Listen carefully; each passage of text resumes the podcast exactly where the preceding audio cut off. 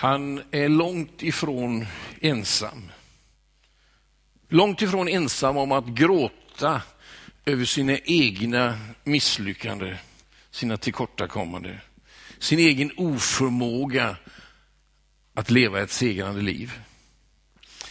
Han hade haft en väldigt hög bekännelse. När Jesus talade om att han skulle utlämnas till hedningarna och lida och dö och korsfästas, så säger Petrus, nej, det kommer inte att hända. Jag kommer aldrig att svika dig Jesus. Om än alla andra överger dig så kommer jag aldrig överge dig. Om det så ska kosta mig livet så kommer jag stå vid din sida. Så var lugn Jesus. Så vet du som är bibelläsare vad som hände. Jesus tillfångatas. Han gisslas, torteras, hånas. Och eh, lärjungarna de sprids som för vinden. Men Petrus, han håller sig ändå något sånär i närheten. Och han eh, ser hur man får bort Jesus. Och um, han står på borggården till överste prästen. Och där står han på natten och man tänder en eld och han står runt elden tillsammans med soldater och, och annat folk. Så värmer han sig där i elden och så plötsligt så är det någon som säger, visst var du en av hans lärjungar? Han nekar. Det går en stund och man kommer tillbaka och säger, visst var du en av dem som följde med honom på vandringarna? Och han nekar igen. Och när tredje gången den här flickan kommer tillbaka och ställer samma fråga, så säger Bibeln att Petrus han svär och förbannar på att han känner inte den mannen. Och precis när han hade sagt det, då gol tuppen. Och plötsligt så kommer han ihåg Jesu ord. Orden om att Petrus, innan tuppen gal så har du tre gånger förnekat mig. Det där ljudet från tuppen, det skar som en kniv in i bröstet på Petrus. Det rev upp sår i hans själ. Inte bara för att han upplevde att han hade svikit, att han hade misslyckats i sitt löfte som han hade gett till Jesus. Utan kanske också för att han plötsligt förstod hur oändligt lite han kunde lita på sin egen styrka. Hur väldigt svag han själv var. Bibeln säger att han går ut ifrån borggården och han grät. Han grät bittert. Och kan känna igen mig i Petrus. Att misslyckas och ha en hög bekännelse men ändå inte klara av det. Så vet du hur det gick ett tag. Jesus han korsfäst, han placeras i en grav ifrån graven som tillhörde Josef från Arimatea och på tredje dagen så uppstår Jesus. Så går det mellan det och pingstdagen 50 dagar. Och någon gång däremellan så förstår vi av bibelsammanhanget att Jesus och Petrus, de möts. De möts på tu man hand. Och han som gick ut och grät bittert för att han misslyckats, han möter honom som har dött just för sådana svaga människor. Och så uppstår försoning och en ny start. 50 dagar senare så är det pingstdagen. Lärjungarna sitter i den övre salen, står det, och de väntar på att löftet ska infrias. Det som Jesus hade sagt, ni ska gå till den övre salen och ni ska vänta där på att löftet ska infrias och anden ska ges er. Man skulle ju kunna tänka sig att Jesus kunde sagt till de andra elva lärjungarna att gå ni, men Petrus, du har lite att jobba på. Du behöver nog jobba lite på din karaktär. Så om du är hemma på att jobba på karaktären så kan ni andra gå upp och vänta på anden. Men så är det inte.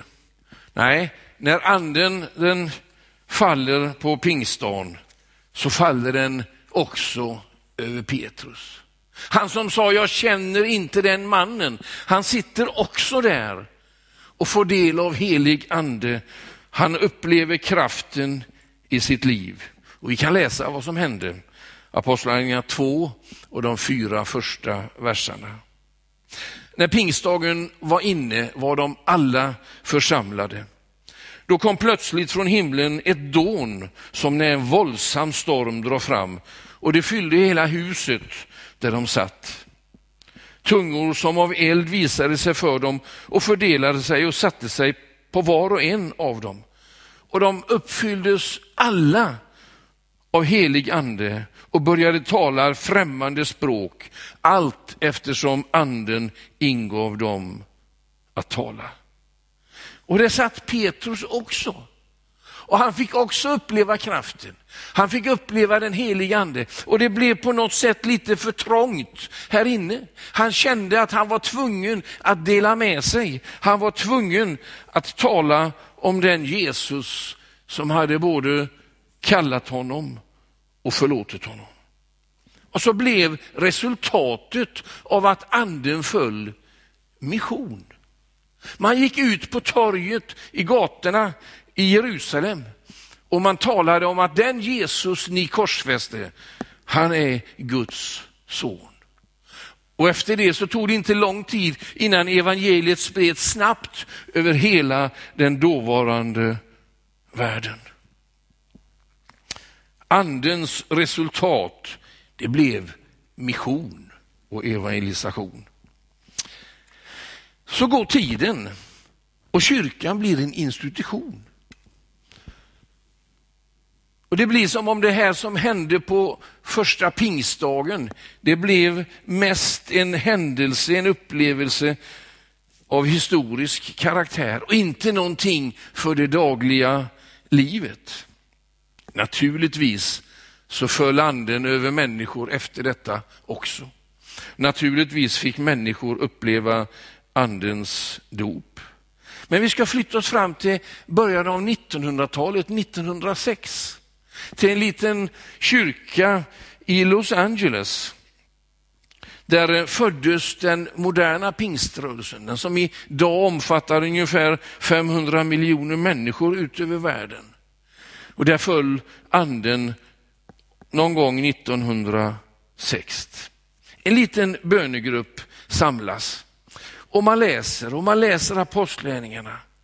Man läser om hur Petrus och lärjungarna fylldes av helig ande. Man läser om hur de fick kraften och så får man själv längtan. Längtan att uppleva samma sak. De läste och de bad och de läste och den, de bad. Och en dag så upplevde de det som lärjungarna upplevde på den första pingstdagen. Anden föll. De började tala nya tungor. Det blev för trångt här inne och någonting hände. Lärjungarna i Jerusalem, ja, de levde i samma längtan. Jesus hade ju sagt, ni ska, ni ska vänta på att löftet ska infrias och uppfyllas.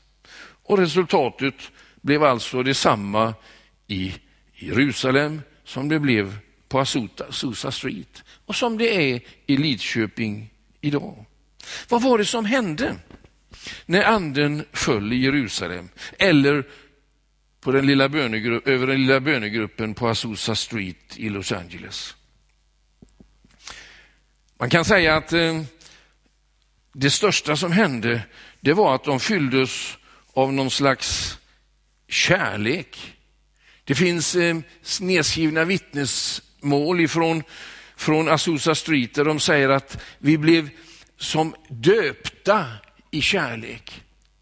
Och Det finns bilder och du kanske ser den nu, en bild där man ser församlingsledningen i den första församlingen på Azusa Street. Det fanns män, det fanns kvinnor, det fanns barn, det fanns färgade, det fanns vita. Och då ska man veta att detta händer i en tid i Amerika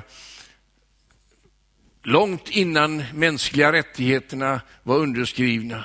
en tid då de svarta inte fick åka på buss, samma buss som, de vita, inte fick gå på samma toaletter, inte fick gå på samma restauranger och så vidare. Där de saknade mycket av de mänskliga rättigheterna. Där blev en enkel enögd broder som heter Seymour ledare för församlingen. Och man säger att när anden föll så föll väldigt mycket annat. Då föll rasbarriärerna. Då föll, föll könsskillnaderna, då föll klasskillnaderna, språkskillnaderna. Och det var som vi alla blev ett i Kristus. Vad var det som hände i Jerusalem? Ja, folk runt omkring, de sa och de pekade på de kristna och de sa, se hur de älskar varandra. Kärleken blev liksom ett kännetecken på att eh, församlingen hade upplevt andens dop. En kärlek som blev så stor att jag kunde inte behålla den för mig själv. Jag var tvungen att dela med mig utav den. Jag tror att är det något vi behöver idag så är det kanske det dopet i kärlek. En tid då kärleken till de flesta ska kallna, som Bibeln säger. När Petrus upplevde hur elden fördelade sig och satte sig på allihopa och också på honom, så han kunde inte behålla det. Och man säger att de första kristna de sa, vi kan inte hålla tyst med vad vi har sett och hört. Han kände att han var tvungen att dela det han upplevt i Jesus. Det fanns inte utrymme att tolka den stora missionsbefallningen som något slags allmänt förslag. Utan eh, när Jesus hade sagt gå ut och gör alla folk till mina lärjungar, så tog lärjungarna precis det som det var, som en befallning ifrån livets Herre. Och man gick ut och man delade evangeliet. I Azusa Street hände precis samma sak. När anden föll, de började tala nya tungomål, man började dela evangeliet, så sänds den ene efter den andra ut på nya missionsfält. Och ehm, där fanns ju även svenskar med och blev sända ut runt omkring vår jord. Andedopet, ja det är alltså inte bara för att eh, vi ska uppleva härligare bönemöte. Det får vi. Det är inte ens för att vi ska få ett bättre lovsångsteam. Det får vi också. Nej, det är framför allt orsaken, den framför allt är orsaken att evangeliet ska spridas. Jesus säger så här, ni ska få kraft och ni ska bli mina vittne. Ni ska bli det i Jerusalem. Ni ska vara det ut över olika delar i Israel, i Judeen, i Samarien, men också in till jordens yttersta gräns. Ibland så kan jag bli lite förtvivlad när jag möter människor som läser Bibeln på ett konstigt sätt. För vad Jesus säger, det var att eh, de skulle gå till Jerusalem och till Judeen och till Samarien och till jordens yttersta gräns. Ibland kanske frestas vi att göra det när vi får svåra ekonomiska situationer som vi faktiskt upplever nu. Att vi tänker att behoven här hemma är så stora. Så vi väntar med Judeen och Samarien och jordens yttersta gräns på något sätt tills vi har tillfredsställt behoven här hemma. Och visst är det behov här också. Dina grannar, folk i Lidköping, folk i Sverige. Men det ligger en hemlighet att läsa Bibeln och göra som Bibeln säger. De skulle gå till Jerusalem och till Judeen och till Samarien. Han sa inte att när ni har vunnit Jerusalem, då ska ni gå till Judeen och när Judeen är kristet kan ni gå till Samarien och möjligtvis sen kan ni gå till jordens yttersta gräns. Nej, Han sa inte så. Hade det varit så, så hade vi fortfarande troligtvis tillbett Tor och orden. Utan han sa, gå till Jerusalem och Judeen och Samarien och till jordens yttersta gräns. Och att göra det som Bibeln säger, det är en välsignelse med det. Jag brukar ibland ta församlingen i Philadelphia, Stockholm som ett exempel. När det var den stora depressionen i Sverige, där arbetslösheten var enorm, där eh, köerna i Stockholms gator ringlade sig långa för att Philadelphia stod där och serverade soppa varenda dag till hungra, hungriga människor. De hade sannoliken sitt Jerusalem att jobba med. Samtidigt som de gjorde det under svåra tider så byggde man också det som var Europas största kyrka. Men samtidigt som man gjorde det så skickade man missionärer till Kina, till Kongo, till Brasilien och så vidare. Och Gud välsignade. Aldrig har väl församlingen tror jag vuxit så kraftigt som under den tiden. När jag som ung, bland annat utsänd av den här församlingen, kom till Ovira i Kongo som missionär så kom jag till en historisk plats. Dit hade de första missionärerna kommit till Kongo 1921. Och ehm, det var unga människor, 25, 27, 28, 29 år. Och utanför kyrkan i, i, i Ovira så finns en minnessten rest. Och där står namnet på de första missionärerna som eh, dog. De dog inom loppet av några få dagar. Orsaken tvistar man om. De nationella brukar säga att de blev förgiftade. På minnesstenen kan man läsa ifrån psalm 126 och 5. Den som sår med tårar ska skörda med jubel. Det står namnen på unga människor, 25, 26, 27, 28 år, som ligger begravda i Ovira. De var inte där för att söka ett äventyr. De var där därför att de hade upplevt en helig ande. Det blev för trångt här inne. Man kände det här måste delas in till jordens yttersta gräns. Man hade upplevt sin över, övre sal. Då kan man tänka sig att det har gått många år sedan dess och man kan tänka sig att budskapet om Jesus har nått ut till hela världen. Att uppdraget är slutfört? Nej, så är det inte. Det finns ungefär 17 000 etniska grupper i världen idag. 41 procent av dem räknas som onådda.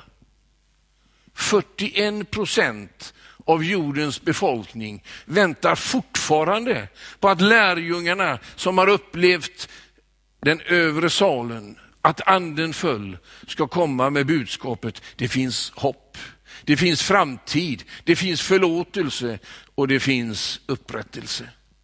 Därför, när vi nu närmar oss pingsten, kom ihåg att pingstens orsak, det var mission. Det var att budskapet skulle ut från Jerusalem, från Lidköping till jordens yttersta gräns. Så Gud välsigne er att fortsätta mitt under svåra tider i Sverige arbeta för att nå in till jordens yttersta gräns. Amen.